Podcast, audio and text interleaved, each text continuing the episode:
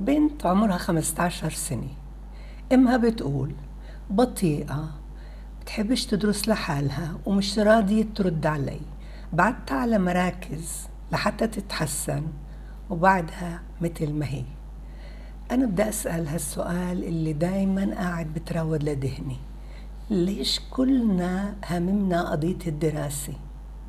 طب إحنا كلياتنا متميزين بالدراسة؟ كلياتنا متفوقين؟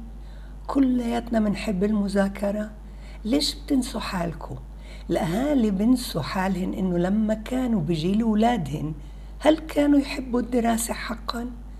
أكيد لا بعدين بقولوا جيل اليوم لا القضية مش جيل اليوم القضية هل أنا ميال لهذا الموضوع؟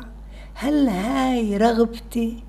في كتير عندي أنا رغبات غير المذاكرة إسا أكيد كتار بيقولوا لي إلهام بس هي طالبة. هي بدها لازم تتعلم. مزبوط موافقة معكم بس كمان عندها ميول تانية لازم الأم تركز عليها والأبو يركز عليها ونوفر لها بيئة مثيرة للمواهب تبعتها. إحنا بس بننتقد وكل ما ركزنا على الدراسة كل ما صارت هي أكتر متشبثة بإنها مش ميالة وبطيئة وبتحبش تدرس.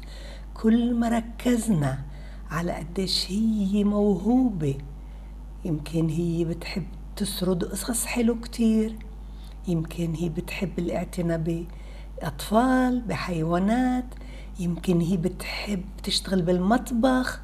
يمكن عندها مواهب كتيرة وإحنا مش منتبهين إلها. أنا بدي أطلب منكم كلنا نركز على مواهب أطفالنا وميولهن وعلى سلوكهن المستحب. كل يوم بيعملوا سلوك مستحب. عندنا كتير قيم بيعملوها وإحنا ما بننتبه غير للدراسة وبدهاش ترد علي وهي بطيئة وبتحبش تذاكر. لازم نركز على السلوك المستحب ونثبت.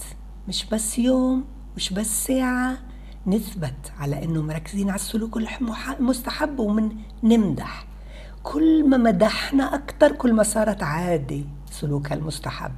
كل ما تجاهلنا غير المستحب كل ما صار تدريجيا يخف عنادها على إنها بدهاش تكون مذاكرة لوحدها.